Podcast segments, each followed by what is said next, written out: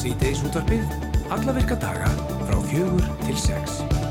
Já, við hefum leikið sítiðis út af byrnuð þennan daginn, 7. februar í dag og það eru Valur Grettisson og Guðrúndi Semistóttir sem ætla að sitja hérna klukka 6. Svo sannarlega, ekki mínúti lengur. Nei, nei, nei, nei, þá erum við að leipa 6 fréttum að og speiklinum auðvitað. Jú, jú.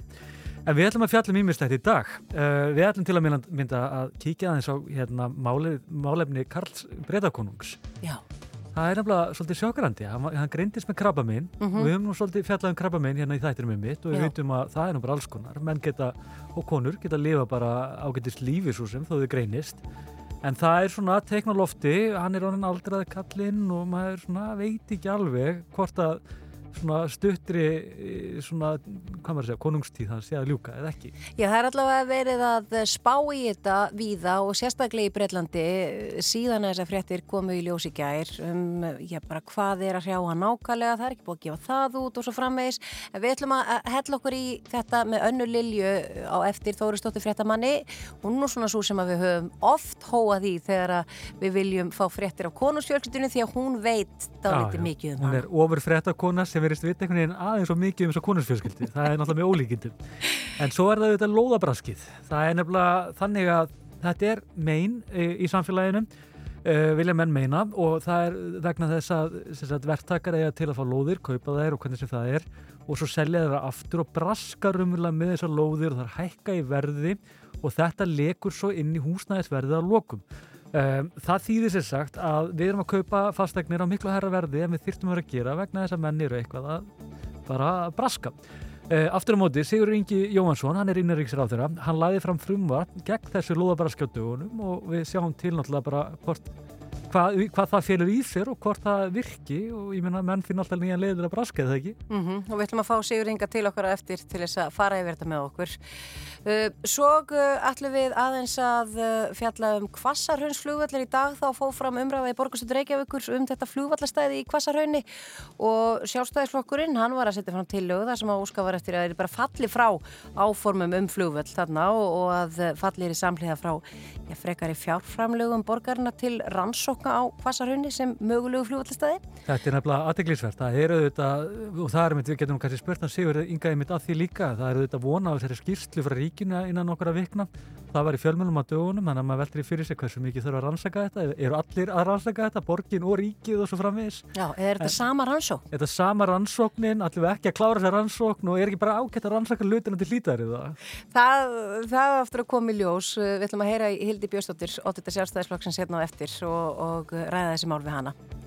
En svo er auðvitað slöngu báta svindlarinn. Það er nú svolítið sláandi frétt sem byrtist auðvitað á vísir.is í dag. Uh, Það er þetta Björgunarsveit Skagafjarðar byrti færslu í gær á Facebook þar sem þau því fram að fyrirtækið Sportbátar hefðu svikið sem 9 miljónir króna þegar þeir seldu um Zodiac bát sem, sem aldrei skilaði sér.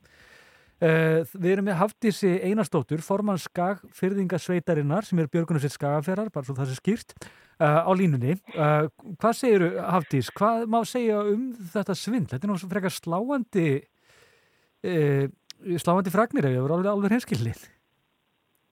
Já, byrjum á Björgunarsveitin Skagfyrringasveit og við erum þrjár í Skagafyrði en við erum í Björgunarsveitin Skagfyrringasveit. Mm -hmm. En já, þetta er, þetta er mjög sláandi. Við hérna uh, erum búin að vera í þessi ferli núna í, í tæft ár og við svona fengum að svolítið staðfest núna um miðbygg janúar að, að hérna, við værum ekki að fara að fá neitt bát og, og erum svo búin að vera að vinna svolítið í því núna upp á síðkastið að, að bara fá það staðfest að, að þessi peningur er ekki glatt, nei þessi peningur er glattaður og, og engin bátur á leiðinni. Já, bara ef þú ferða, að- ef við- ferða eins í forsöguna, þið ætluðu bara að kaupa bát eins og Björgunarsveitir gera, eða hvað? Jú, já, já, við sagt semjum þarna við fisk sem er fiskvinnslu fyrirtæki á tökróki og, og, og þeir ákveða að styrkja okkur um bát og við vorum auðvitað allsæl og, og förum á stað og, og leitum tilbúða í báta frá þreymur aðeilum hérna heima fyrir og, og hópnum líst best á Akamarín sem er sem sagt undir fyrirtæki Sótjag og, og hérna eh, já við leit hérna pöntum hennar bát og, og greiðum helming andverðis bátsins við sem sagt, pöntun 7,5 miljón í byrjun mars í fyrra og uh, mánuði síðar tæpum þá greiðum við 1,5 miljón fyrir tæki, það er að segja GPS, tæki, dýftarmæli og svo framvegis. Og svo bara býðum við til bátnum og hann átti að koma þarna í júni-júli og, og, og svo kom engin bátur í júni-júli og ekki heldur í ágúst og september og svo framvegis og, og, og eitthvað fátum svör og svona og, svo í oktober þá fyrir við nú, kíkjum í heimsókn í fyrirtækið og já, já, þá var þetta nú aldeilis á leðinni, mannamóti nógu desember. Og svo sérst í janúar þegar við fyrir aftur að herja og þá hérna fáum við bara engin svör og, og 24. janúar komumst við að því að fyrirtækið hefði verið tekið til gjaldflót að skipta 18. janúar. Uh, og var, og, það, uh, var það svo einfalt? Var fyrirtækið sem bara gjaldflóta eða viljið meina að þannig að það hefði verið einhver bráðið tabli? Já, við getum auðvitað ekki sagt til um það. En það eina sem við vitum í raun og veru er að við fengum ekki bát. Hann var aldrei pantaður. Var hann aldrei Tækin sem við borgum... Nei, hann var ekki pantaður og, og ekki borgað inn á hann sem satt út í Fraklandi. Og þið fullvisið ykkur um þetta uh, sem sett? Já, við erum sérst búin að fá þessar heimildir allar og, og, og förum í raun og veru ekkert að stað með þessa, þenna, þessa frétt fyrir en að við erum, við erum búin að fá staðfæstar heimildir fyrir þessu öllu. Mm -hmm. Og, og, hérna, og við veitum það líka að þessi einu og halva miljón sem átt að færi tæki, uh, tækinu voru aldrei sótt og þau voru heldur aldrei greitt, en þau voru reynda pöntuð. Já, en ekki báturinn? Hérna heima sem sagt. Já. Nei, nei, ekki, nei, ekki samkvæmt þeim úti. Og hérna, já, þannig að, já, við svona bara ákvaðum að klára að fullvis okkur um allir þessi atriði og, og, og vildum bara koma þessu svona út í út til samfélagsins vegna þess að við viljum ekki að, að það verði fleiri fyrir álíka tjóni eins og við. Og hafið þið heyrt um að fleiri... Það sé björguna sveitir eða... Hafið þið heyrt að þeir séu kannski fleiri? Já, við höfum heyrt ekki um svona stórar upphæðir en já, við höfum heyrt um fleiri en mér þykir erfitt að tala um það mm. af því að ég hef ekki staðfestar upplýsingar en, en við mig hafa rætt persónulega fimm aðilar fimm og aðilar? þeir hafa allir, já, já já. En, en ég get ekki fjallað um það, eh, skilja, ég get sagt ykkur frá okkar dæmi en, en, en já. Verður það. Eh, þannig að eh, þið, hafið þið haft samband þá við lögragluð eitthvað slikt? Viljið þið, þið mentilega viljið einhverja rannsókn á þessu? Já, sko, auðvitað Björgunsveitin okkar er, er hluti af Slísarfnafélagin Landsbjörgu og, og, þar er sagt framkvæmstjóri og skrifstjóðstjóri komin í samband við bara lögfræðinga félagsins sem að munu vinna þetta mál fyrir okkur. Uh mhm. -huh. Allar þessar lagalegu hliðar sem að við höfum bara e- ekki þekkingu á og, og ég getur raun og verið ekki sagt hvaða stefnu það tekur vegna þess að ég þekk ekki það ferli. Nú vel. En Hafdís, eru þið Bjarsín, ég menna skakfyringarsveit lítur að hljótur að muna um þessar nýju miljónir, eru þið Bjarsín á að fá þessa peninga tilbaka eða verðið þið bara reyðið ykkur á fjárframlög frá já, einhverjum góðhjörtuðum?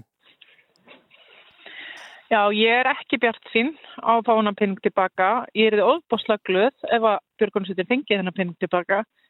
Uh, nú þegar hafa einhverja Björgunarsveitir uh, tekið sig til og ætla að styrkja okkur um einhvern smá penning. Þannig að ég held að við svona fáum með aðstóð bara almennings- og Björgunarsveita uh, einhvern stuðning og eitthvað upp í þetta til að minka okkar fall og, og hérna og svo höfum við líka rætt við fiskiðuna sem að, eða fisk sem ætla að gefa okkur bátinn og þeir ætla líka að koma til mótis við okkur til þess að hjálpa okkur að klára þetta dæmi að því að við viljum fá bát til að efla sjóbjörguna getur á skafrið. En það er einmitt svo annað þetta. Uh, hvað þýðir þetta einmitt fyrir björgunarsveitina að fá ekki hennan bát og Og var þetta eitthvað sem lág, svona, var orðið mikilvægt og byggðið eftirmæntalega og, og, og svo framvegis? Dreifur þetta úr í getu ykkar til þess að vera öflugur í aldrei en þið getur verið og svo framvegis?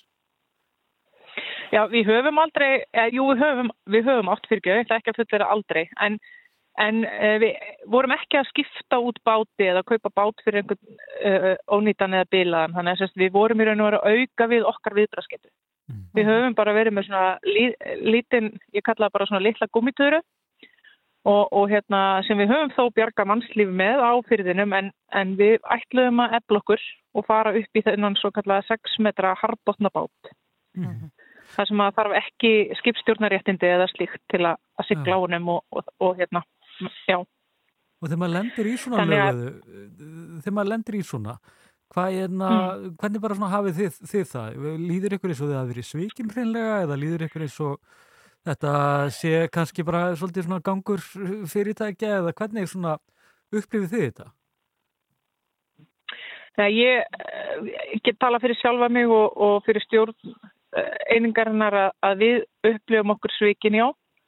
Við erum svart sín á að fá þennan bát og, eða nokkuð af þessum pening tilbaka og, og, og svo ég tali fyrir sjálfa mig um að vera svona svektur yfir því að þetta skuli vera að gerast vegna þess að við erum öll sjálfbóðalegar og við erum búin að leggja gríðarlega mikla vinnu í að ákveða hvaða bát skildi kaupa, hvaða búnaði við hafa í bátnum og svo framvegis og nú erum við bara að byrjun að reyta aftur. Hafdís, Og, og það er svona að er ákveð átak í að sko koma sér að stað aftur en, en við ætlum að, að, við ætlum að klára þetta. já, þið látið þetta ekki sigur ykkur, Hafdís Einarsdóttir og við vonum bara að þið náðu þessum fjármunum tilbaka og að skakfyringasveit eignist öflugan bát til þess að ebla Mhm. sig. Bara takk kærlega fyrir að vera á línni hjá okkur og gangi ykkur vel. Já, takk kærlega fyrir. Bless, bless. Thank you.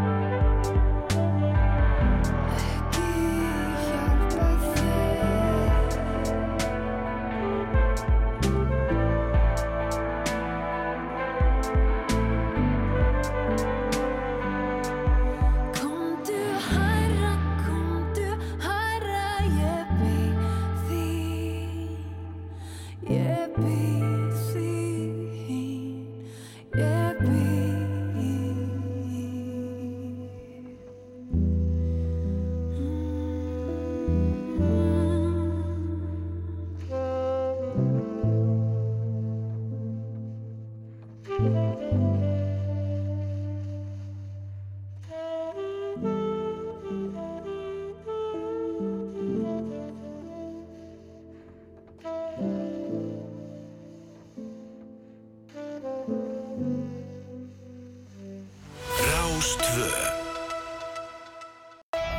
Fyrst og fremst með þér. Við erum Rástfö.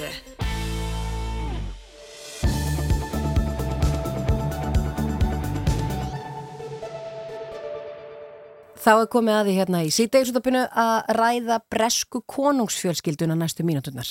Já, Karl Bretakonungur sem tók nú bara við, uh, hérna, við uh, konungsveldinu fyrir ekkert svo lungu síðan. Sjötta mæ í fyrra. Emitt, uh, greindist með krabbamein og þetta hefur bara, uh, þetta er bara hefur alvarlegasta mál verið styrra og við, við hefum fengið til okkar Ef að segja einn helsta sérfræðing, það kemur að bresku konungsfjölskyldinni, hana Önnu Lilju Þóristóttur. Jú, við skulum endilega kalla með það, takk Valur. hún er nú samt fyrst og frem, fremst frettamæður auðvitað, en hún veit nú ímislegt uh, og okkur langar bara kannski aðeins að spyrja uh, hvað telja menna þetta sé og hversu alvarlegt það gæti verið? Sko, uh, hyrðin hefur, það er, það er einu upplýsingar gefið í rauninni og það var tilkynningu sem var sendt út í gær að konungur hafa greinst með krabbamein og þetta sé eitthvað sem hafa komið í ljós í meðferð sem hann fjekk við sem hann hefur verið í vegna stækkunar blöðurhálskirtli. Já, það var um svipa leiti og, og, og Katrín er það ekki laðið sjálfin á sjúkrahús? Já, það var bara sama dag. Já, bara sama dag. En hérna, það hefur ekki komið fram hvar hann er með krabba meinisast hver líkamannum eða hversu alvarlegt það sé en að hann njóti núna meðferðar og hún eigi sér stað heima. Hann er sagt í Clarence House, það er heimilega hans í London. Hann býr ekki Buckingham Hall vegna þess að vera að gera hana upp fyrir konungin og hérna hann nýtur í rauninni svona einhverjar heima lækninga eða meðferðar eða hvað sem þetta er af því við vitum ekki nákvæmlega hvað þetta er. Mm -hmm. Já, þess að segja kannski ekki endilega mikið, þetta er náttúrulega fólk sem lifir í dálítið öðrum veruleika og Rétt. kannski uh, nýtur annars konar réttinda heldur en, en venjulegi almúi og maður, ég velti því fyrir mér uh, sko það hefur ekkert verið gefið út sem sagt hvers konar krabba minna það er en er einhverja vísbendingar um alvegleika þess? Það er náttúrulega þetta eins og svo margt annað þegar það eru litlar upplýsingar gefnar þá fer fólk að geta í eigðurnar og það hafa verið einhverja vangaveltur í bresku blöðunum, breskum fjölmjölum og víðar um þetta sé eitthvað alvarlegra heldur en látið er af. Harry Bretaprins, Sónu Karls, yngri Sónu Karls, er komið til London, hann kom á hádegi, flög frá heimili sínum Montecito í Kaliforníu, uh, Beatrice prinsessa, bróðudóttur Karl, sem sagt dóttir Andrésar, hún heimsótt hann í morgun og þú veist, það þarf ekkert að vera þetta þýði neitt, það er náttúrulega bara mjög jákvæmt að Harry sé að hitta pappa sinna, hann ekki hitt hann, sé hann Karl var kryndur, 7. mæ í fyrra. En þetta hljómar samt sem áður mjög svipa og þegar Breitlandsdrottningin lá mjög þungt haldinn og þá komið mitt, uh, fór allir til hennar allir til Skotlands, hún var í, í kastalanum þar. Hvað heitir náttur? Balmoral. Alveg rétt, uh, svakalegt nafn eða ekki. Uh, og það, þetta, þetta er mjög svipuð aðbyrðars finnst manni eins og þetta lýsinni. Já, við skulum vona að hérna þessar vangaveltu bresku pressunar eigi ekki við röka stiðjast vegna þess að það væri sorglegt og aðeins meina það ef að Karl myndi nú ekki endast mikið lengur ennbætti heldur en þetta nógu lengi beigðan, hann er náttúrulega sá krónprins eða prinsana veils í sögu England sem lengst beigð eftir að setjast í valdastól Já, við- eilífi prins. hinn eilífi prins sem núna hefur verið konungur já síðan móður hans lést núna í september 2022 og var síðan kryndur í mæi fyrra þannig að við skulum vona honum endist aldur til þess að vera lengur og að allt fari vel hjá honum Karli. Já, en það kemur, sérst, kemur fram hvers, hvernig krabba meina þetta er. Nei, það hefur ekki verið gefið út. Nei. En kannski, ma- ég velti því fyrir mig bara, sko, það er vægarsagt, uh, ef það er eitthvað flókið, þá er það konursfjölskyldan í Breitlandi. Þannig ég velti því fyrir mig bara, hvað gerist til að mynda ef hann getur ekki sint sínum skildustörfum, uh, þarf að láta af hendi krúnuna, hvernig sem uh, það virkar og ef það virkar yfir höfuð, hvað tekur við, hvað myndi það þýða og svo framvegis? Sko það fylg, kom fram í þessari tilkynningu sem hann gefur út í gær að hann myndi sinna skildustörn þar að segja svona þeim sem hann getur unnið heiman frá sér en að koma fram opinberlega hann að verið, var með svona hitt og þetta á dagskráni, því er alltaf verið aflýst. Uh, svo þar þurfum við eiginlega bara að sjá hvernig þetta gengur. Hans eftirmaður verður Vilhjálmur Mm sem núverandi prinsin og Wales og elsti Súnur Karls og Díunu En hvernig miðar uh, Katrína, því við vorum að tala um hana, því hún var lögðun á sjúkrahús vegna veikinda og það var talað um að hún myndi ekki sinna neinum skildum fyrir en eftir páska. Hvað var að hrjá hana fyrir þá sem að hafa ekki uh, hugmyndu það? Já, það hefur heldur ekki vi, vi, komið skýrt fram, það var einfallega talað um aðgerði í kviðarhóli og enn og aftur þá fara alls konar vangaveldur og spekulasjónir í gang allt frá sko fægrunaðgerð í eitthvað legnám Þa, það verður heldur ekki komið svona, verið gefið út skýrt. Já, en Nei, hvernig, hvernig er breska pressan að bregðast við þessu og bara breskur almenningur þessum fréttum?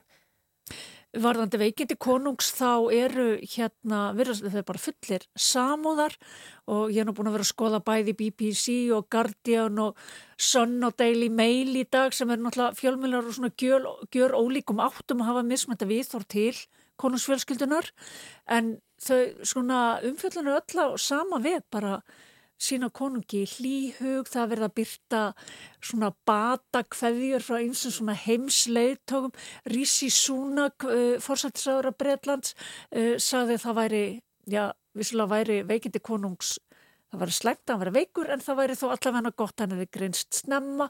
Í upphafi ríkistjórnafundar í morgun þá hóf sem sagt Rissi, Rissi, Rissi Súnak fundin á því að Óska konungi bata. Þannig að hérna svona hugur breyta virðist vera hjá sínu konungi. Þegar kemur að, segjum svo svo að myndi hætta bara í þessu mánuði eða jafnvel næsta eða bara gefum okkur það, vonum við þetta besta en uh, hann hefur þó ekki setið í einu svona heilt ár sem konungur Hvað, hvernig er það, veistu hvernig það aðað svona í sögunni yfir skamlífa konunga? Sko hann hefur náttúrulega verið konungur síðan móður hans lést. Já, ég skilði, hann verður hér- þá konungur þó að það ekki krýndu strax Bara sjálfkrafa. Já, ok. En svo náttúrulega tekur tíma að undirbúa hérna krýningu og allt, allt annað og hann þurfti náttúrulega að fá, fá sitt sorgartímabil eins og all þjóðin. Þannig að hérna, en sko, jújú, jú, það eru konungur sem hafa ríkt skemur og við þurfum reyndar ekki að fara eitt rosalega langt aftur vegna þess að afabróðir Karls. Játvarður áttundi sem saði af sér á 1936 hann ríkti í 326 daga þar sé innan við ára, hann var aldrei kryndur Já, já, og svo getum við farið ennþá aftar, þú veist, Jú, mörg löng ára aftur í tíman já, já. og fundið eitthvað sem voru talsvert skemur, en Já. svona í nútíman með getur sagt sem svo, þá er, Já, þá er það hann. þá er hann. Játvarður sem að við mitt könnust svo vel við og, og fengum svo augljóslega í kránseríunni fyrir það sem eru söguna í kránseríunni og líka í hérna King's Speech, þar líka. Stamandi, konungurinn eða ekki? Nei, Nei, það er Georg. Það er Georg Já, það er bróður hans sem þurft að taka við á honum. Alveg rétt. Hann var ástfangir af konu hann Játvarður sem hann mátti ekki giftast. Bandarískari leikunum, Maggie's eitthvað uh, hún var bandarisk, það rétt þegar hún hétt Wallace Simpson, Simpson. Ekki leikona. ekki Maggie Simpson en hafði verið gift tvisvar áður og það má, mátti náttúrulega ekki. ekki. En, en áður en að við kveðum þig, af því að sko sábóbara með Harry og hans er komin til Breitlands aftur, þessi veikindi, ertu eitthvað að byrja að pæli því svona hvað hva áhrif þetta muni hafa á þeirra samskipti og samband og hvort að, já, breytar muni mögulega fyrirgefa Harry á þessum erfiðu tímum Komið og svo til. Já, og svona hvort að þetta muni mögulega þjappa fjölskyldunni saman.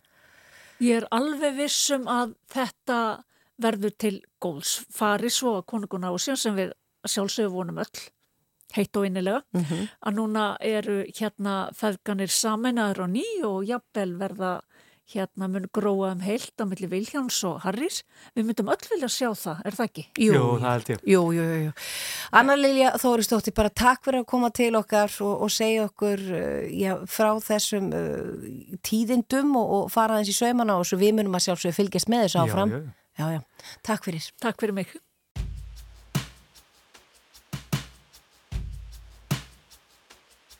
Þú ég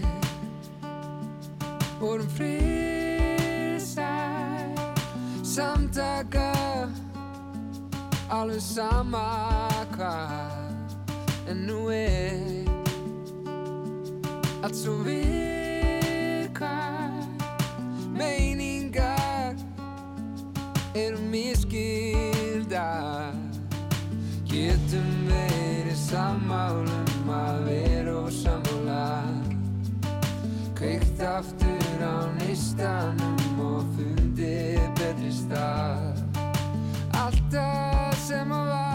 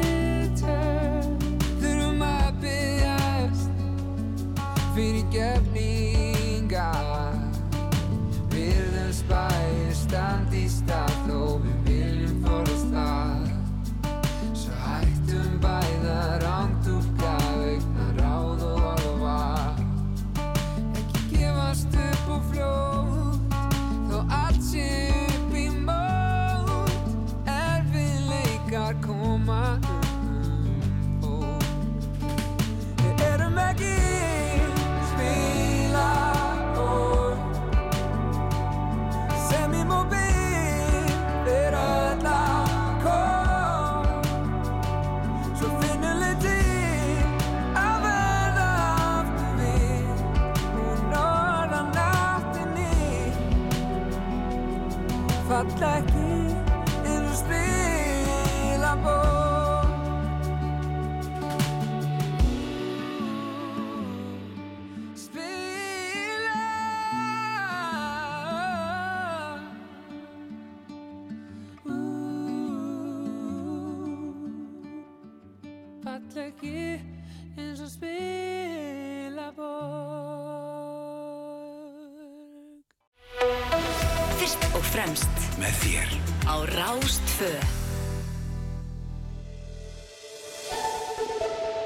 velkomin aftur í síðdeis útvarpið. Uh, Innaríkisráð þeirran, Sigurður Ingi Jóhansson, hann lagði fram frumvarp gegn lóðabraski á dögunum.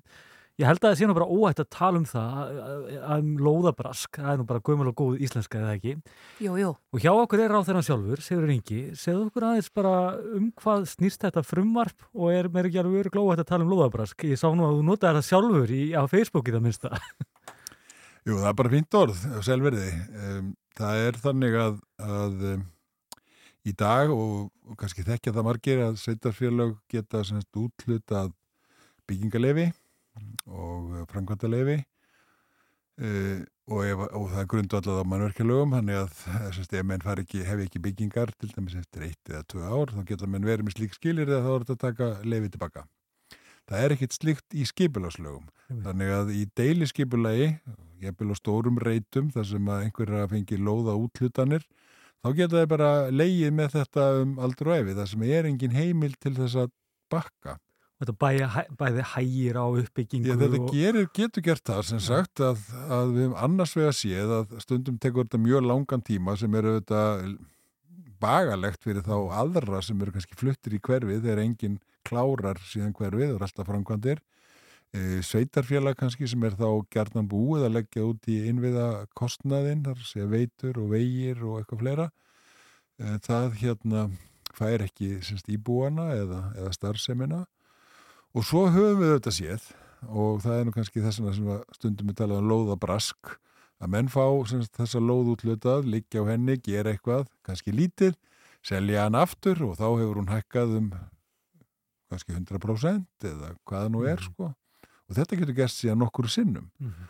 og í stórum tilfellum höfum við séð að þarna hefur þar að leiðandi orðið til kostnaður þar sem einhverjir hafa tekið með sér peninga út úr þessari lóðaútlutun uppbyggingu sem að, að lokum sá sem kaupir íbúðuna þarf að borga gerir það að verkum að íbúðin er miklu dýrari Mhm. og, og hérna þetta er með þessum hætti. Þannig að hér er verið að búa til heimild í skipulagslögin að fari sem sagt eh, fáir þú til dæmis útlutað lóð til þess að byggja á blokk og innan fimm ára ertu ekki búin að hefja hana, þá, þá er, getur sveitafélagið bara staldra við og sagt við ætlum að endur skoða deilskiplæðið. Kanski var deilskiplæðið vond og enginn vildi koma og byggja á þessari lóð eða á þessum lóðum, á þessum reit og kannski er einhver einn eða tveir aðilar að, að stundar lóða brask eða, Jú, jú. eða liggja á þessu og vera að býða eftir réttum tíma.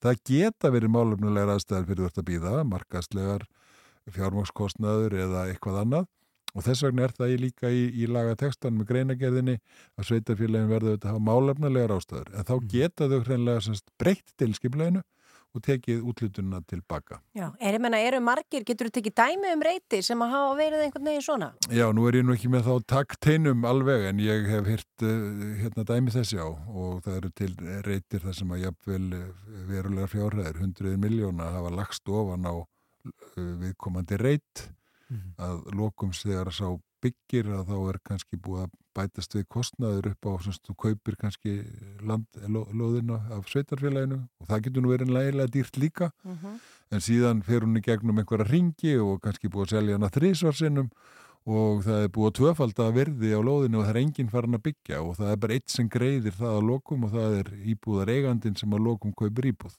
Ertu Þetta eru miljardar. Já, og, meina, og þetta líka þá hækkar vendarlega bara fastegnaverð og annars líka. Já, þetta hefur öll neikvæð áhrif af því að við erum auðvitað, þegar við erum að tala um íbúðarbyggð þá erum við fyrst og fremst að tala um, um sem sagt, öryggið, heimilið sem við viljum öll hafa og það á ekki, það þarf ekki, skulum við segja að ég veit að það er einhverjir sem vilja hafa það sem markasbrask en það þarf ekki að vera það.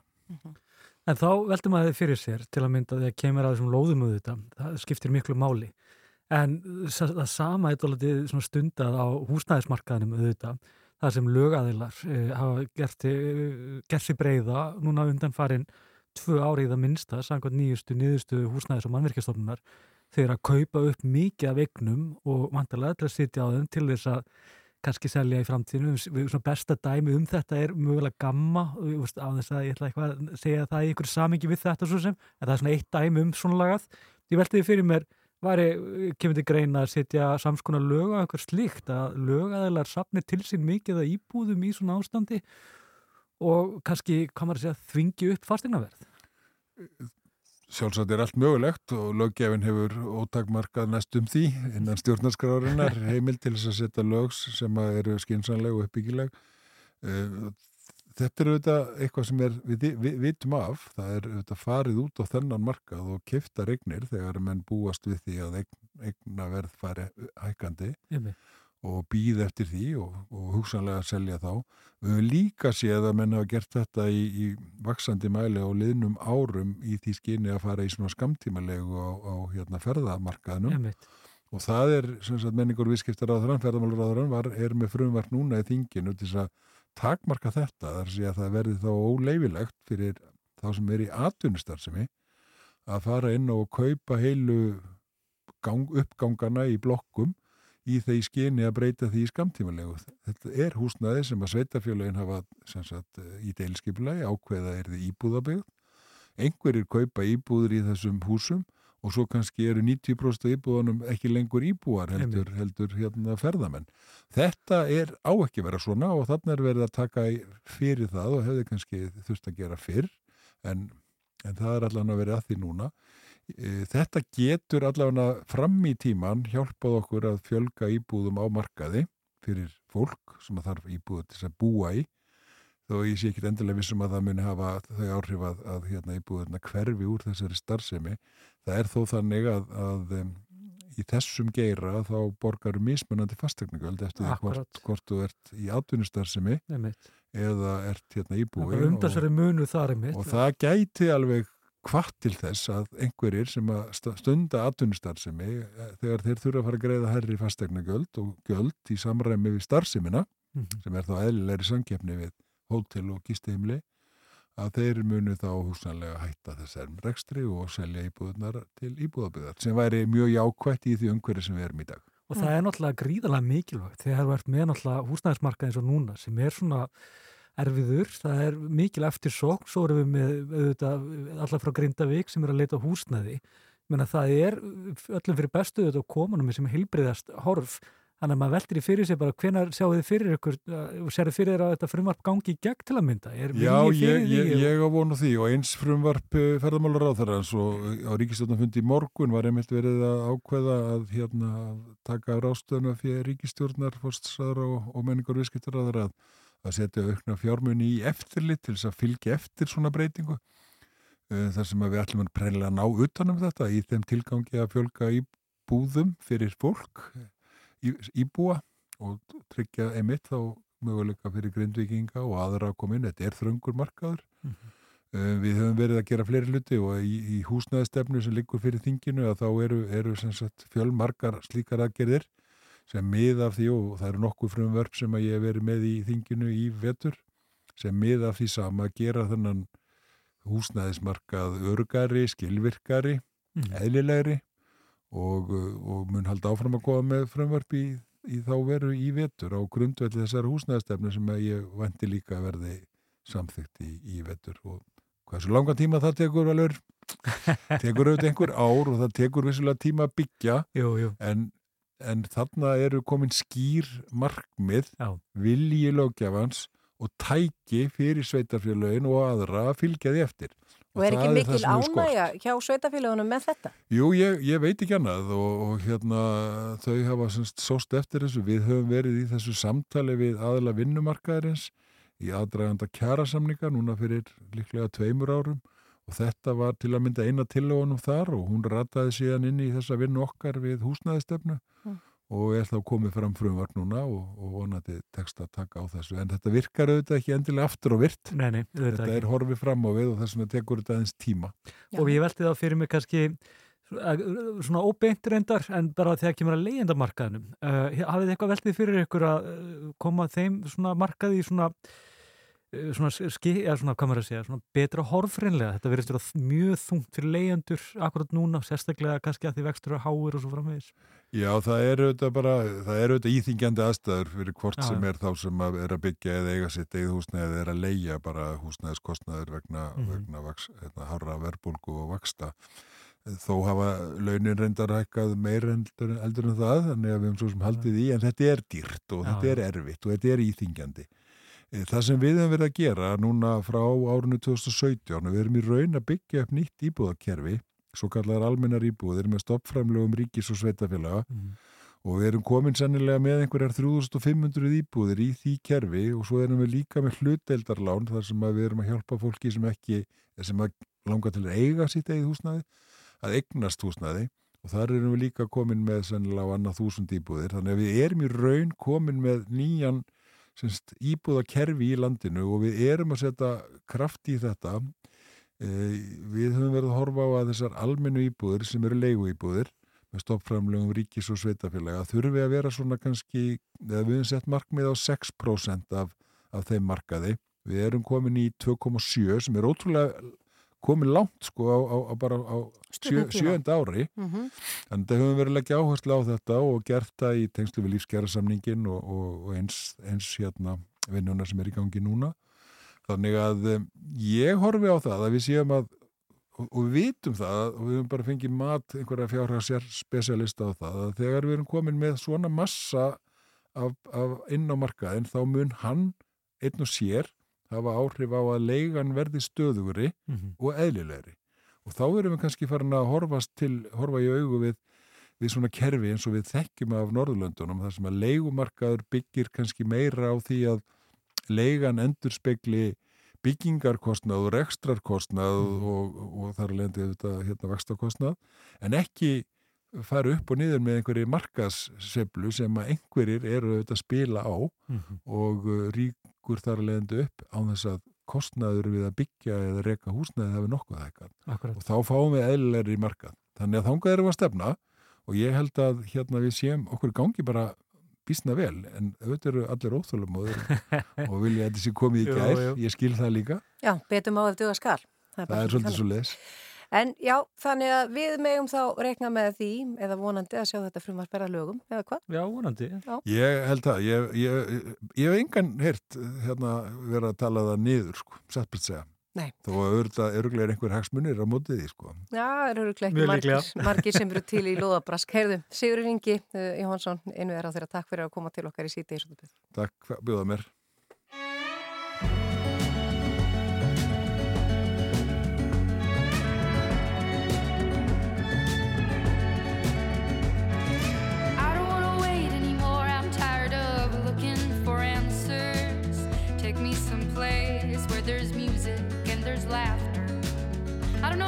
Dying, but I'm scared of living too fast, too slow.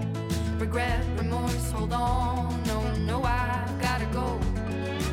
There's no starting over, no new beginnings. Time raises on. Just gotta keep on keeping on. Gotta keep on going, looking straight out on the road. Can't worry about what's behind you, what's coming for you further up the road. Try not to hold on to what is gone. I try to do right what is wrong. I try to keep on keeping on. Yeah, I just keep on keeping on. I hear a voice calling, calling out for me. These shackles I made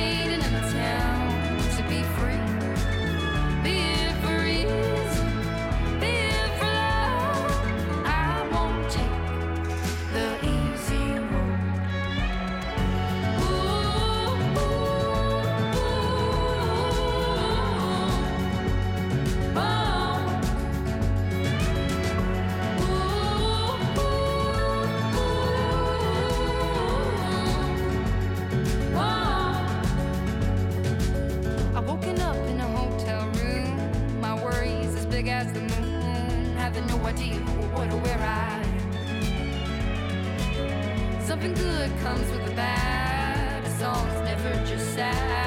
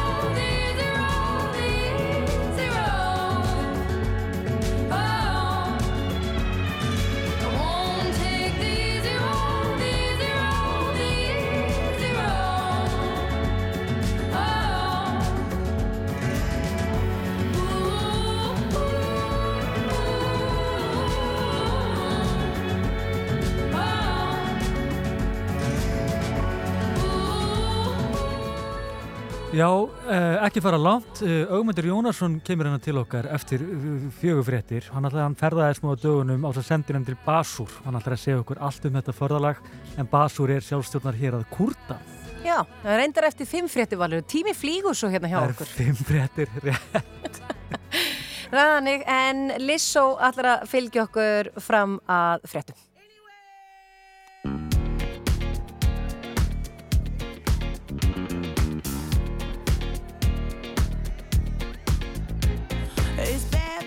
O'clock, yeah, it's thick 30.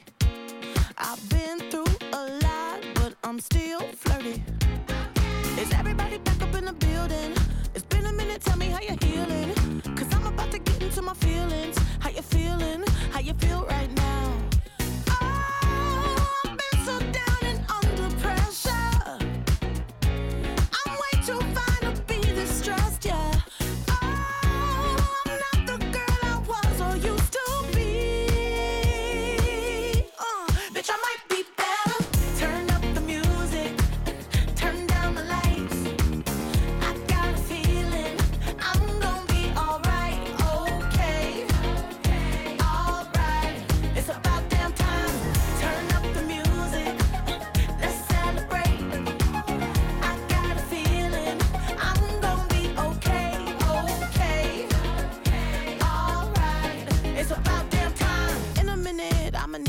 sentimental man or woman to pump me up. Feeling fussy, walking in my Balenciennes, trying to bring out the fabulous. Cause I give a fuck, way, way too much. I'ma need like two shots in my cup.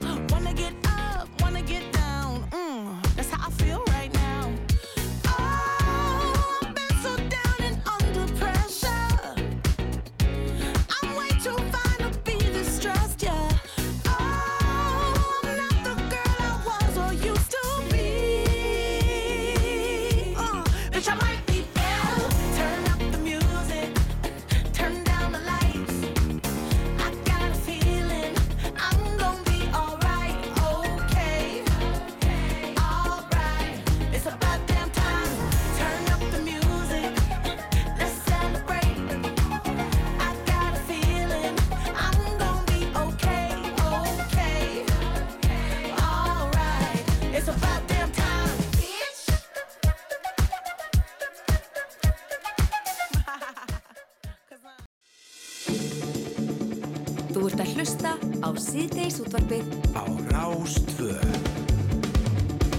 höldum áfram hér í sítegisútabinu, uh, eigum eftir að heyra í Hildi Björstóttur og Einari Þorsteinsinni, uh, borgarstjóra hér og eftir, uh, eru að takast á um flugvallastæðið í Kvassarunni. Já, já.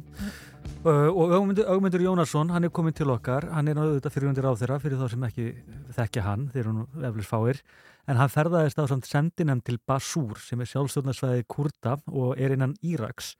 Uh, og það var með, því, með það að markmiði að kynna sér aðstæður, kortleikja pólitíkina og tala fyrir því að stöðningur fáist fyrir freyðar viðræðum í Tyrklandi við Kurda, korki meira nefn minna.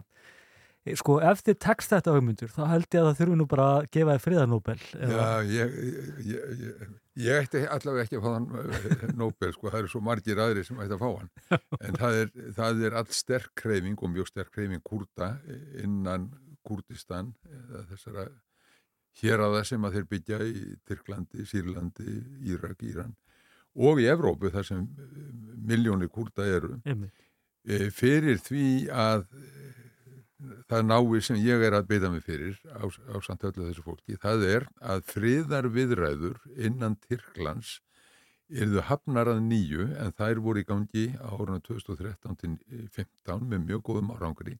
Þeir opnuðu þá fangelsistirna hjá Abdullah Ösalan, leiðtóa Kurda sem hefur verið núna í aldar fjórðungu í fangelsi og hann kom að samningaborðinu og menn, það var svona bjart sín í loftinu. Svo var skellt í lás og síðan eh, hefur gengið á ofsóknum og hendur kurd, kurdum innan Tyrklands og í landamæra hér og, og allt Kúrdar- þetta voru við að ræða. bara svo fólk skilji það þetta, kurdar eru landlust þjóður umverulega uh, og þó ekki, meina, hún, hún, þeir hafa komið sér fyrir þarna á landamærum umverulega Sýrlands og Tyrklands og gerðu það í borgarastyrjöldinni við barðust á mjög bara hitjulega hreinlega við ISIS uh, og þeir hafa líka verið í Norður Írak sem er áður landamæra Tyrklandi og það er sem eitur í beinum Tyrkja og hefur verið í ára tugi ef ekki aldir hreinlega Eða Jú, og gamli draumur kurdana er að samina alla þá sem að þú nefndir í eitt ríki og það stóð reyndar til að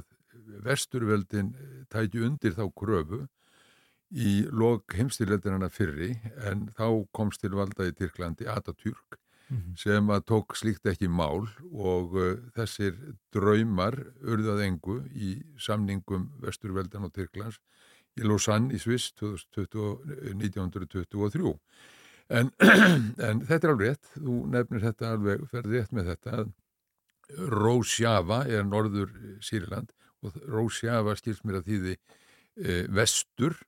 Rói Hillat er austur eða það sem sólinn rýst, það er Íran og svo er það e, e, Basúr sem er söður og Bakúr, það er kallaðið Tyrkland Já. og þetta vildu margir fá eh, saminaði eitt ríki en það sem að krafan gengur út á núna er miklu láreistari. Hún er einfallega að hefja viðræður um samninga, hvort sem að það er því stofnað eitthvað sambandsríki eða hvernig sem það er því og síðan er vonin svo að þetta myndi eitt leið af öðru eins og gerist í dominóspili, það fellur eitt guppur og svo næsti og, og, og markmiðið er sem sagt friður. En hvers vegna er þetta mál þér svona sérstaklega hugleikið? Já, um, það er nú ágætt spurning eh, sem er verðt að spyrja sjálfan sig líka um. Eh, áhugi á málefnum kurda hefur alltaf verið ríkur á Íslandi og það er allt pólitíska litrófi sem hefur tekið þátt í því að tala þeirra máli. Eh, Hér á öldinni sem leið að þá uh, voru það Dagur Þorleifsson á þjóðvíðarnum, síðan var Páll Kolka læknir, hann var á hægri kantinum og svo var þarna Erlendur Haraldsson, professor, sem var eh, talsmaður kurda, hvorki meira enn minna, í íraskra kurda í Þýskalandi á sjönda áratöknum skrifaði bók um þetta með upprösnamönnum í Kurdistan, mjög skemmtilega bók. Og þessir mennallir og fjöldi annara töluðu máli kurdana og ég held að Íslendingar líka hafi alltaf ákveðina sympatíu með þjóðum sem að fá ekki að leggja rættu sína menning og tala sína tungu og, og svo framvegis. Segðu mér, uh, þú ferðast þarna á, til þessu svæðis. Þetta er náttúrulega ekki hefðbundin túrismi í neinum skilningi. En Ég velti því kannski fyrir mig bara svona, þú getur lísta þér fyrir okkur bara hvernig var að koma þarna og hver, hvers konar menning er þetta sem þú- birtist þér? þessar borgir sem ég heimsótti, ég fór í borgir og þorp og, og, og borgirnar eru erbil og það er svona nútíma borg á aðra miljón íbúa og Sulimanai sem er önnur stór borg þarna eh, svona næri landamærunum við Íran Þetta eru svona á, borgir áþekkar bara stórborgum sem að kemur til, síðan fer út í sveitirnar og þar er uh, öðruvísi um að litast. En þú spyrir um svona uh, yfirbræðið, Mhm. sko það, þú verður þess mjög fljótlega áskinni að þetta er land sem að hefur, eða þjóð sem að hefur staðið í hernaði lengi, verið aðþrengt og staðið í hernaði. Við öll hótel eru vopnaði menn. Eh, ég var búinn í sömabústa þarna upp í fjöllunum og menn sögðu, heyrðu, þú ert alveg örugur hérna sko, og svo bentur á Kalasnikov riflar af við dittnar og ég sá gæjast í uh, byssuskeftu upp úr einum busnastrengnum, þannig að þetta er svona þetta er svona andin svolítið, en ég fann aldrei til annars en öryggis og mikillar gestrisni gestrisni er kúrdum held ég bara í blóð borin og kannski ekki hægt að alhæfa svona þjóðir en En þó er það eitthvað sem að liggur í loftinu, svona í menningunni og það er tvímaralega stjæstirni. Og stjórnafarið er líka aðteklisvert. Stjórnafarið er aðteklisvert vegna þess að uh, Íraska Kurdistan, eh, Basúr, er mjög allumis frábrugðið stjórnarháttum í innan Tyrklands, innan Bakúr, hjá Kurdum þar. Eh, Þeir hafa vorið fyrir mikil, miklum áhrifum af hugmyndafræðu Össalands sem hefur setið í fangjálsi í aldarfjörg núna eins og ég segi Imrali eigu rétt undan ströndum Istanbul, Miklagars. Eh, hann hefur lagt áherslu á líðræði. Mhm. líðræði. Þetta, hann byrjar sinn, svona, sinn, sinn, sinn slag alveg eins og Nelson Mandela í Suðurafríkur sem marxískur uppreisnamaður. Hann hann svona hefur síðan smám saman horfið frá þessum stífa marxisma, hann gaggrindi mjög Sovjetríkin á sínum tíma og leggur áherslu á líðræði og allir eigi að koma alltaf á borðum og grundvallaratrið í hans huga er jafnbreytti kynjana. Mhm. Kurdar eru með, á þeim slóðum eru all, alltaf með karl og konu, þess að þau kjósa bæjastjóra, karl og kona í öllum, öllum stopnunum þeirra, flokkum, verkari sefingu, karl og kona, alltaf. Og Ösalan segir, erðu frelsið er ekki búið þannig til að maður smíði kassa og setur svo frelsi ofan í það. Við þurfum að vera frjáls þegar við smíðum kassan Mhm. og við býðum ekki eftir jafnrétti kynjana þar til byltingin hefur átt sér stað eða umbreytingin hefur átt sér stað. Við verðum að gera það meðan á því stendur. Við verðum að vera trú okkar e, boðskap og mér þótti mjög aðtillisvert e, að vorið 2019 e, þá komast skilabá frá Ös, Össalan út úr fangelsinu sem voru mjög merkileg þó, þótti mér. Og hann sagði, heyrðu, nú, nú komið að stríði. Nú skulum við virkja skynnsemina og, og við verðum að skilja að okkar anstæðingar vilja halda sínum landamærum, þá við um sílendinga, þá við um Tyrki, þá við um uh, alla, en þeir verða að skilja þessir anstæðingar okkar að okkur er andum okkar frelsi okkar menningu. Og á þessum forsöndum eigum við að nálgast. En eins og staðan er núna þá er hún alveg hrikalegt því að Mhm. Tyrkneski herin herjar stöðugt inn í landamærahjöruðin að Basúr og, og, og Sýrlandi og, og þetta eru bara fréttir af þessu sem að fara hvergi, og það, maður heyrir hvergi um þetta Það er ekkert fjallað um það. ekkert fjallað um þetta Þeir eiga í mjög hatramri baráttu. Þeir raumurilega eiga er mjög furðulega óvinn á sama tíma.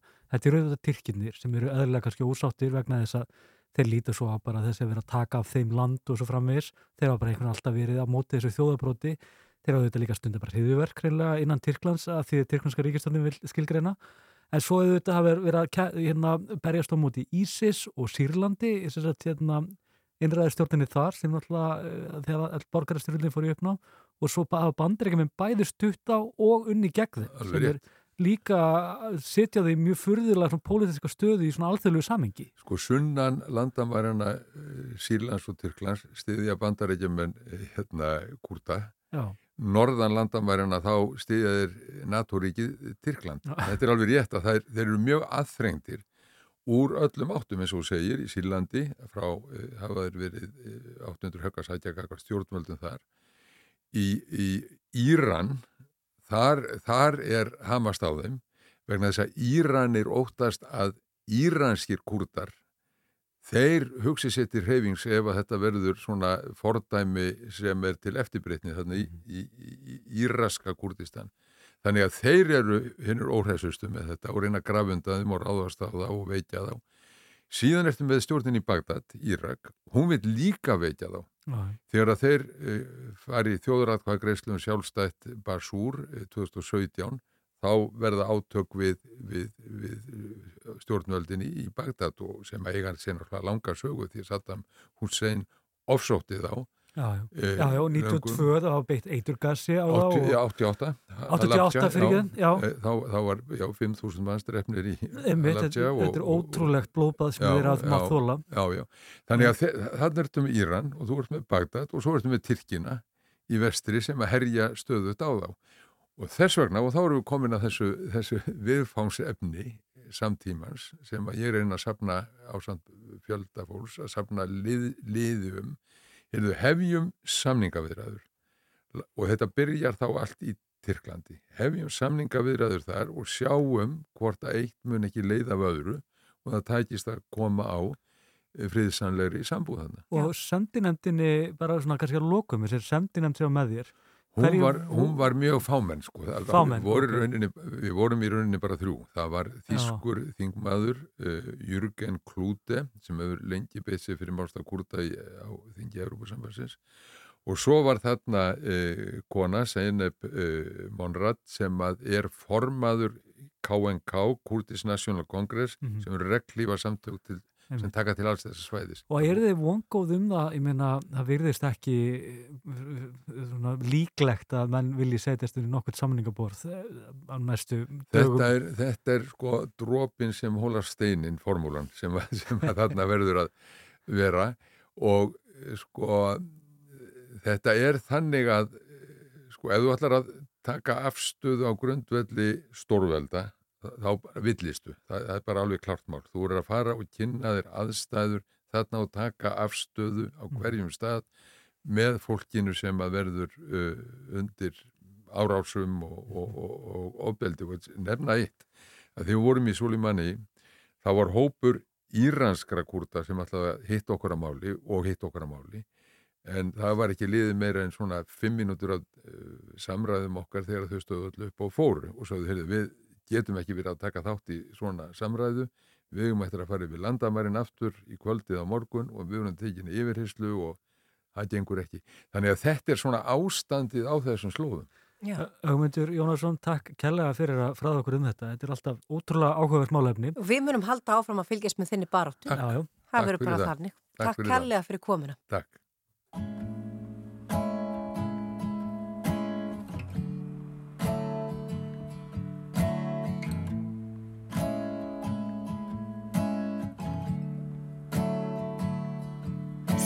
Þegar ég sá þig fann ég tilganginn. Augnableiki frósi þú ert allur heimurinn. Ég finn frið þínu fangi. Ég verð þar alla tíð. Nú ég skil þú ert lífið sem ég beðið eftir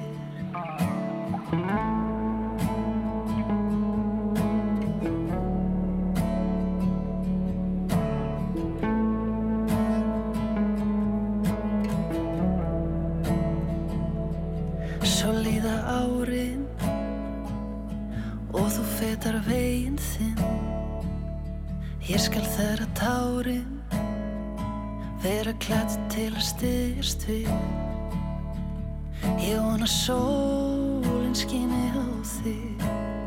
Hvert skrifa leiðinni Þú veitir að það dimmir alltaf áður. En það byrstir til Frá morgni dags til sólalags Ást mín endist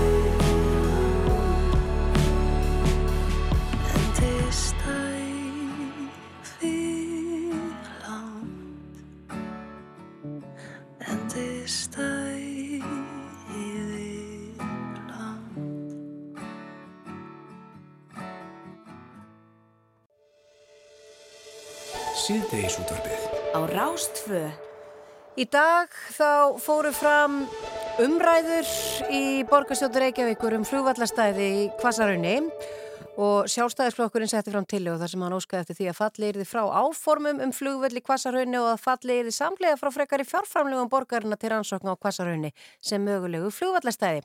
Og til þess að ræða þessi mál þá voru við komin með Hildi Björstóttur, 8. sjálfstæðisflokksins á línuna og Einar Þorstinsson borgarstjóra. Komið í sæl. Kom sæl. Já, hvað, hérna, náttúrulega, hann, Sigurður Ingi Jóhansson, hann var þetta sagði frá því á dögunum að það væri von á skýrslu varðandi kvassarhaunnið og, og, og legu mögulegs flugvallar þar og það, hún kemur í, ma, hvað, í mars, eða hvort það verið tveir mánir í hana, einn mánuður og hérna, ég veldi fyrir mér bara, Hildur, hvað hérna ertu að hugsa? Ertu ekki að hugsa um þá skýrslu og ætti, viltu að það verið fallið frá henni eða? Sko við leggjum fram þessa tillögu um að borgarstjórn taki í raun pólitíska afstöðu þess hér í dag að hætta að líta til kvassarhönds sem mögulegra staðsetningar fyrir nýjan flugvöld. Og um þetta hefur auðvitað verið talað í mörg ár og sjálfstæðismenn hafa varað við því við sama tímabil að þetta sé ákveða áhættu svæði, hvað var það jarðræðingar og elsubrót. Og núna hefur það auðvitað komið á daginn og Jú, jú, það kemur skýrsla eftir einn eða tvo mánuði en það blasir auðvitað við hverjum sem er að þetta svæði verður aldrei framtíðar uppbyggingasvæði fyrir nýjan innanlandsflugvöll eða varaflugvöll. Það er nokkuð ljóst og það skiptir í raun engu máli hvort að fólk eh, er þeirra skoðunar að flugvöllurinn er alltaf í vassmýrinni eða þeir sem vilja algjörlega fara úr vassmýrinni. Það er engum greiði gerður að vera að dvelja við eitthvað rannsóknir og verja fremur, frekari fjármunum í rannsóknir við kvassarhraun Mm. og um það snerist tillagan. Einar, hvernig snýr þetta að ykkur í borgarstjórn? Já, ég, hérna, ég hef nú talað kannski á svipum nótum og, og formaðurinn minn, hann Sigurður Ingi, Eh, ég hef sagt að það í ljósi jarðhæringarna þarna suður frá þá uh, sé nú kannski ólíklegt að, að ofinberir aðeilar eða engaðeilar séu að fara að taka þá ákvörðun að setja mikla fjármunni í uppbygging og flugvöldi á þessum stað. E, þessi tillaga sem kom hingað inn í borgarstjórn komir þetta álítið á óvart vegna þess að nú hefur staðið yfir þessi vinna í frá árunni 2020 eh, að, eh, að kanna eh, veðurfar þarna á kvassarhaunni og síðan na- náttúruvána þar að segja það sem að snýra þessum jarðhræringum og uh, það er núna mánuður þangar til þau skila og uh, það komið doldið óvart að, að sjálfstæðismenn vilji bara hætta við að fá skýrsluna og að því að það nú þegar fallið til sá kostnæður sem að uh, þar til þess að klára hana og, og það verða bara tekin ákvörðun um frekar í fjárútlát bara grundelli skýrslunar. Við, við trúum nú ekki öðru en að sjálfstæðismenn vilji bara sjá skýrsluna og byggja þessi ákvörðun á gögnum að því að þannig eigum við stjórnmálamennin er að vinna en ekki bara eftir einhverjum skoðunum. Þannig að, að, að það er nú bara það sem að, ég sagði hér í borgarstjórn í dag. Eh, Þetta mál hefur þróast með þeim hætti að, þegar það byrjaði þá, þá lág fyrir að, að Kvassarhraun var nefndur sem uh, vænlegasti kosturinn og það getur vel verið að hann sé það út frá viðurfræði en vegna jarðhæringarna þá er alveg ljóst að, að það er allt önnur staða uppi í dag og við horfumst í augu við það. En, en við hættum ekki, ja, ekki, ekki einu sinni við hálnað verk heldur það er bara alveg að loka metrunum og við klárum bara skýsluna og svo tökum við stöðuna. Og það er hins skynsælega nálgun þannig að ég laði nú til að þessari tillögu verði vísað frá að þetta er nú kannski bara eitthvað svona pólitísku leikur hjá sjálfstæðismönnum að, láta okkur vísa frá þessari tillögu. Ég hef alveg talað skýrt í þessum efnum að, líkurnar á, á flugvöldu þarna hafa sannarlega minkað í ljósið þessari óvissu og, og, og hvað sem síðar kann að verða. Er það ekki svolítið rétt yldur? Er ekki bæði kostnærin, hann er svo sem, það verður ekki dreifunum úr, úr þessu hvort sem er. Það hefur verið að skrifa skýrslun og rannsóknir hafa verið gerðar. Eh, eða, er þetta pólitískur leikur eða, eða er þetta raunveruleg tillaga?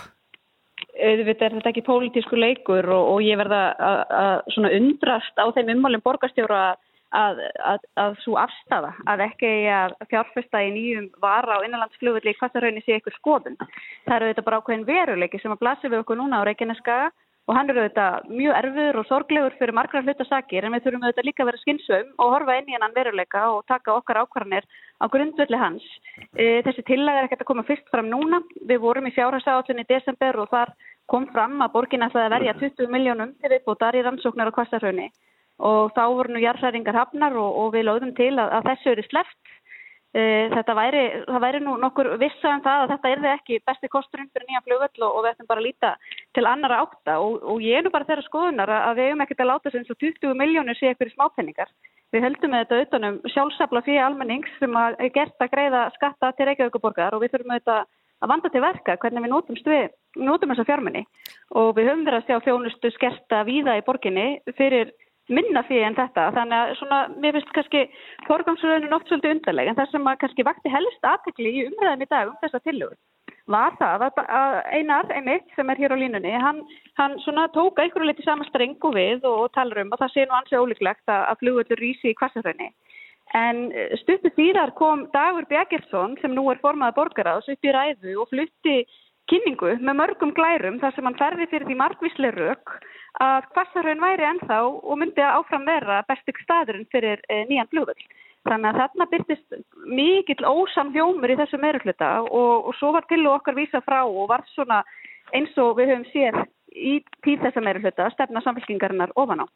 Uh, Einar, eh, hefur, hefur, Já, já. já, Einar, hefur er- þessum þetta er- 20 miljónum verið varið í þetta núna eða sitja þær bara ennin á bók og býður eftir að vera varið í þetta og eru þið ósamála, framsókn og samfélkingin í þessu máli? Já, já, þessi, ég, hérna, það er þannig að kanna það hvort að hafi farið eitthvað af þessum 20 miljónum núna á þessum mánuði til þess að ljúka við skýsluna. Ég, ég átta ekki alveg á því, en ég held nú að megna að þessum fjármunum séu bara inn á bók og, hérna, og verður þá rástafað í annað ef að, að uh, niðurstaðan leiði til þess að verður, uh, hérna, þessi uh, aðtugun verður bara slegin af og, og við setjum þetta á ís þarna í kvassarauðni.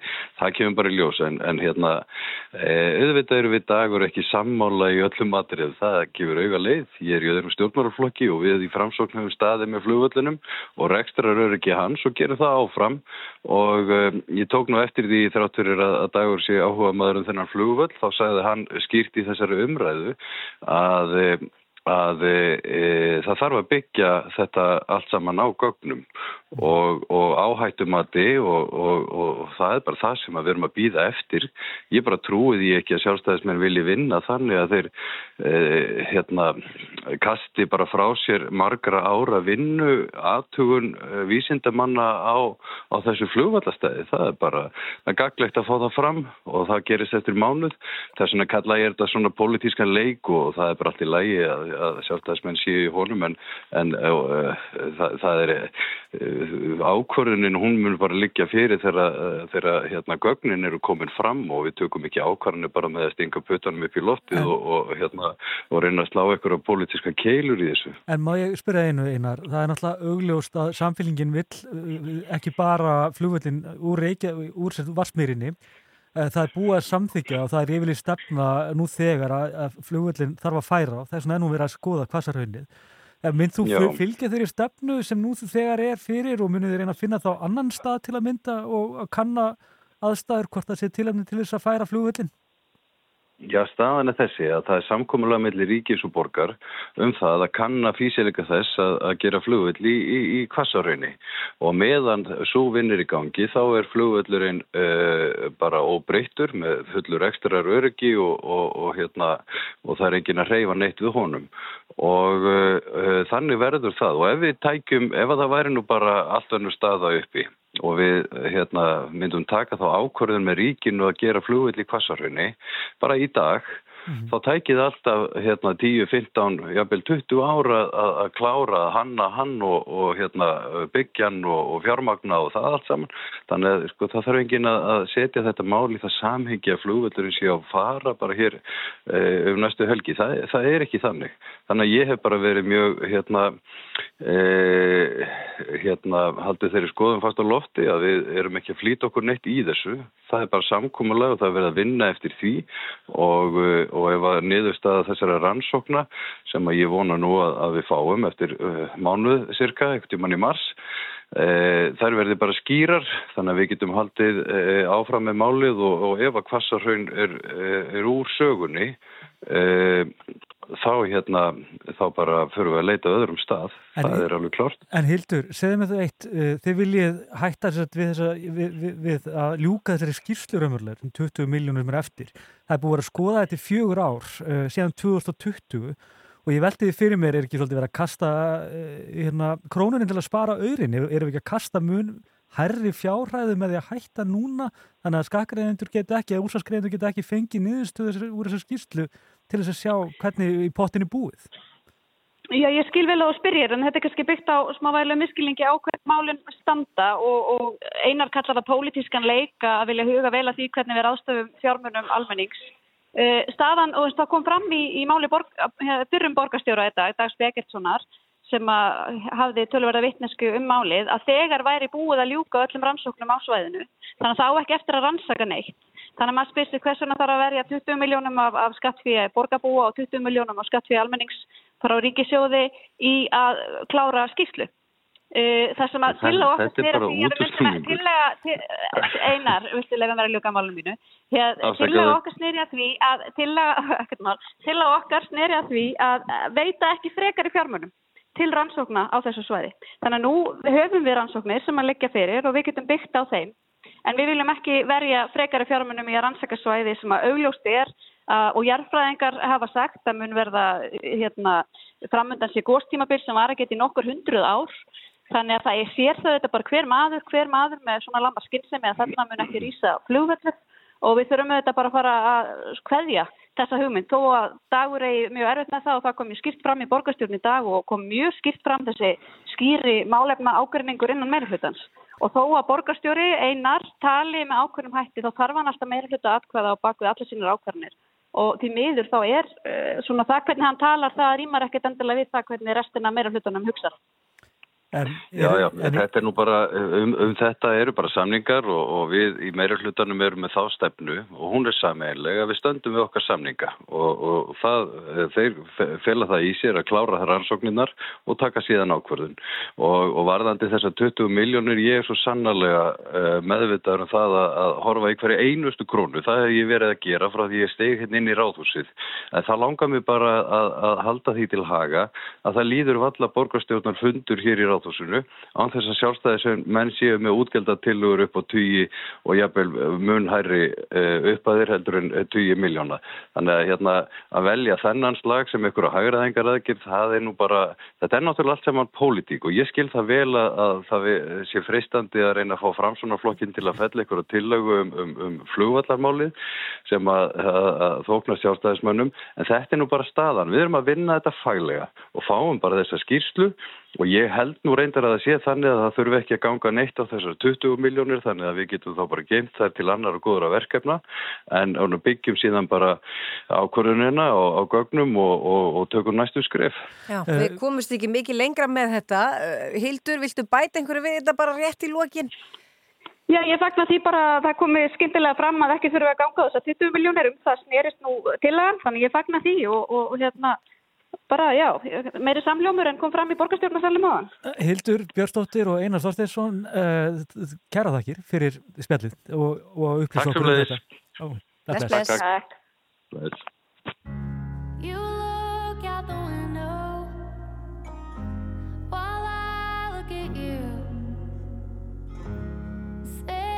I don't know would be like saying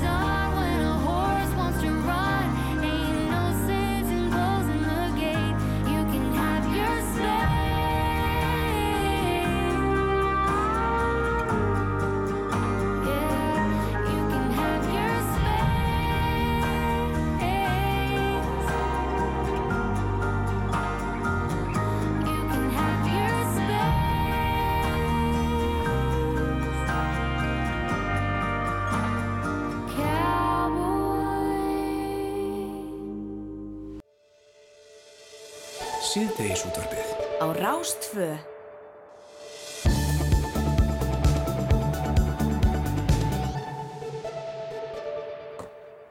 Já, velkomin aftur. Torkið er á dagskrá rúf í kvöld en það er umræðið þáttur í beitn útsendingu þar sem fólki í landinu varpa fram spurningum og stendur fyrir máli sínu. Á torkinu er talað um málefnin sem rættir um á kappi og á kaffistofunni lands... Fýpaðast með lesturinn, ef ég er alveg hinskilin. Já, þetta er það sem er, að- úst, það er verið að tala um þetta Það er ta- kappi á tala um kaffistofun. Á kaffistofunni, Já. það er bara þannig. Er og það er bara það, og, og þátturinn í kvöld er vægarsett áhugaverður við erum hérna með Valgeir Örn uh, Ragnarsson og Sigrið Haldursdóttur velkomin Takk fyrir. Takk. segðu okkur kannski bara eh, segja okkur um hvað verður þátturinn í kvöld Þátturinn í kvöld er um innflytjendur og inngildingu og þarna stöldur við kannski strax við að þetta er orð sem að er raunar bara frekar nýtil komið í málinu. Ég held ég fari rétt með að það finnist uh, fyrst uh, 2021. Mhm. Fáum þykir það mjög gott. Já, og við höfum fengið þessart ábendingum og, og fólk vil meina að við höfum kannski frekar að tala um innþættingu, innsömun, en þetta þýðir bara aðlugun. Mm. Þetta þýðir bara að öll séu með. Já, virk þáttaka í samfélaginu. En af hverju tölum við ekki um aðlugun frekar en inngildingu? Bara svo við, svo við klárum þessu orðaumræðu. Já, það er bara góð spurning. Þetta er, hérna, kannski erum við bara ennþá að reyna að finna út úr því einhvern veginn hvernig við tölum um þessi mál. Hvaða orð nær utanum þetta sem að á ennsku hérna, er kallað inclusion? Hmm. Það er búið Já. að gera tilraunir til þess að þýða það og, og, og Er þetta ekki bara ágætis orð, inngilding, það það að þú sért gildur meðlimur í samfélaginu og það er að segja að allir taki þér sem slíkum og líka þá að þú gerir því gildandi í samfélaginu með því að vera í, með, inn í menningunni og bara taka þátt í öllu. Jú, þetta þykja mér góð rauk fyrir Já. þessu orði. Já, já, já, ég neta bara kom svona, en já. en já, þetta eru mjög þarft málefni myndi ég halda að ræða okkur að núna og eh, þessi, já, innflytnindamál, þau eru mikið á milli tannan á fólki og það verðast allir hafa skoðanir og óbúslega heitar skoðanir á þessu. Já. Sko þetta er þriðji eh, þáttur Torksins, Mhm. þessi þáttur og við finnum eh, fyrir miklum áhuga. Við, erum, við óskum alltaf því að fólk hafi samband, uh, senda okkur skilabúða, finna okkur á samfélagsmiðla og segja okkur bara hvað því finnst um þessi mál, komum spurningar og við höfum aldrei séð annað eins. Já.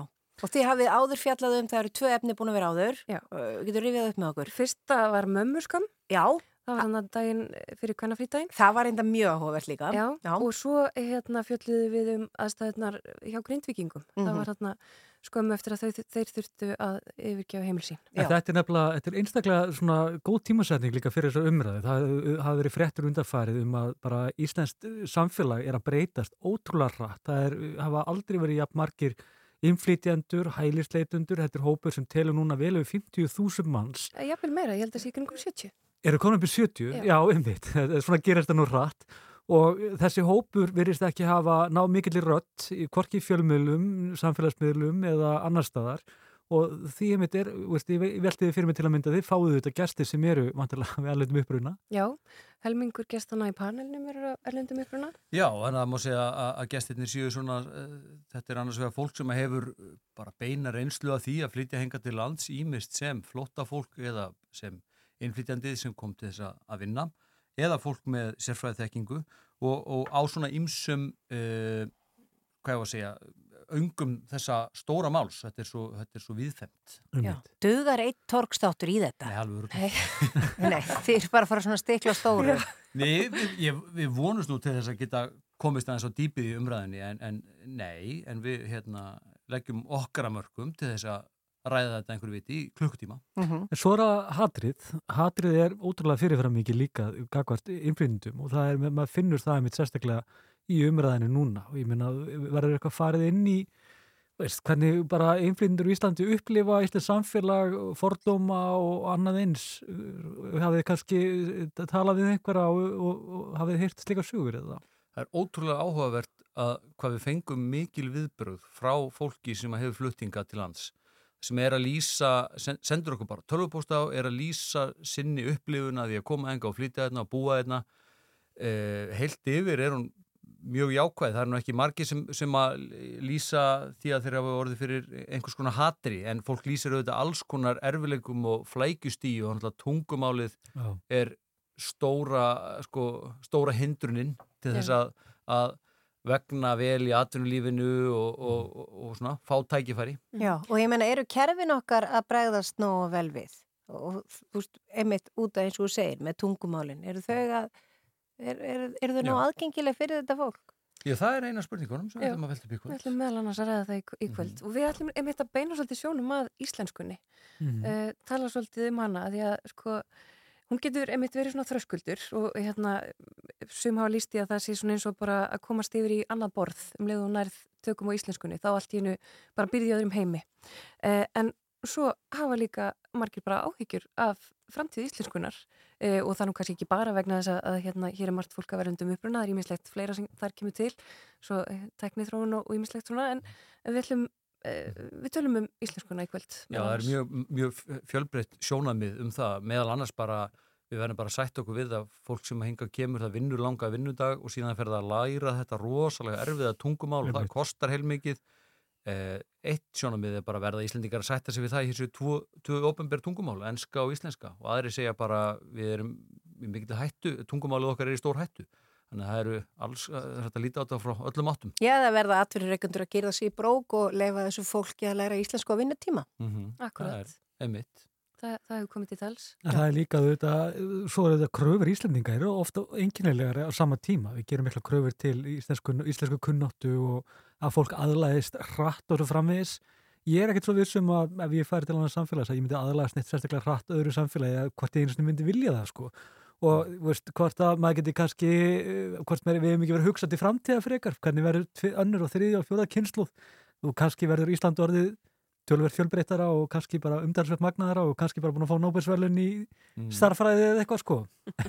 Já, ég held að við vorum öll að, að hérna, inngilding eh, gangi vel og að fólk sem henga kemur verði hluti á samfélaginu. Svo eru þetta bara hluti eins og já, bara kostninga, kostninga líðræðistáttaka. Já. Eh, það er svo ótal margir fletir á þessu, þáttaka í íþróttum, batna, það er, eh, svo, það er svo margt að ræða. Já.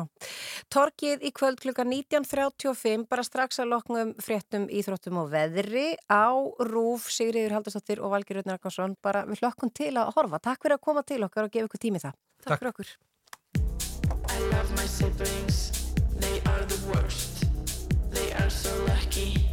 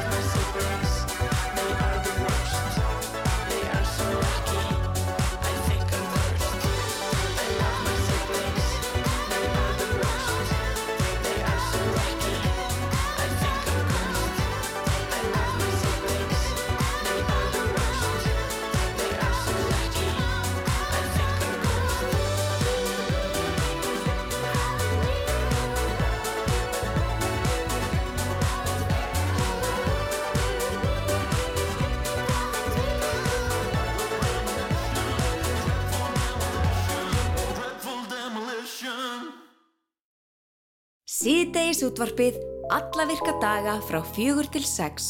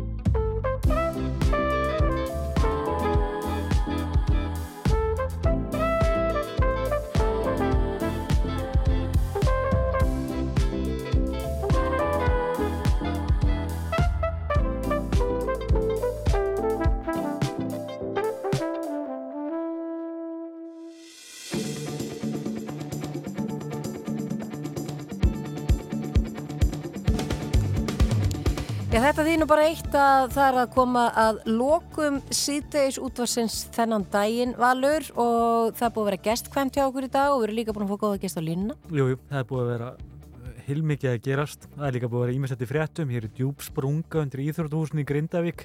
Það er bara gerfigras hérna sem hverfir ofan í jörðina. Þetta er alveg agalegt sko. Já. Þannig að svo Anna Ringstedt, hún alltaf við fjöldum aðeins um hana fyrir helgi. Var, hún var sektu fyrir að leggja í sitt eigið stæði í miðborginni. Mhm. Hún fekk afsökunarbeðinni og mögulega endugreitt frá borginni, segir hún á vísi. Og þannig að það gæti nú bara ræst úr því öllu máli, svona á lokum. Já, það er nú gott mál, Valur, uh, að við höfum náð svona einhvern veginn að leysa það mál allt saman. Við.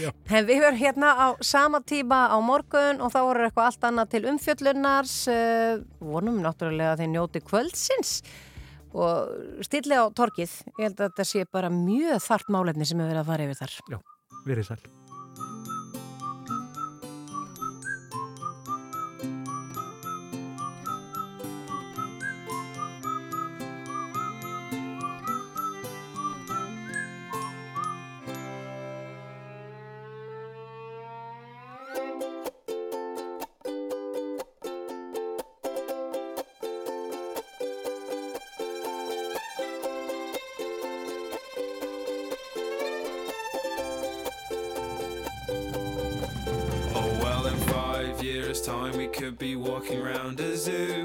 Sun shining down over me and you. And there'll be love in the bodies of the elephants too. And I'll put my hands over your eyes, but you'll peek through. And there'll be sun, sun, sun all over our bodies. And sun, sun, sun all down our necks. And there'll be sun, sun, sun all over our faces. And sun, sun, sun. So what the heck? Cause I'll be laughing at all of your silly little jokes. And we'll be laughing about how we used to smoke all those stupid little cigarettes and drink stupid wine. Cause it's what we needed to have a good time. But it was fun, fun, fun. When we were drinking,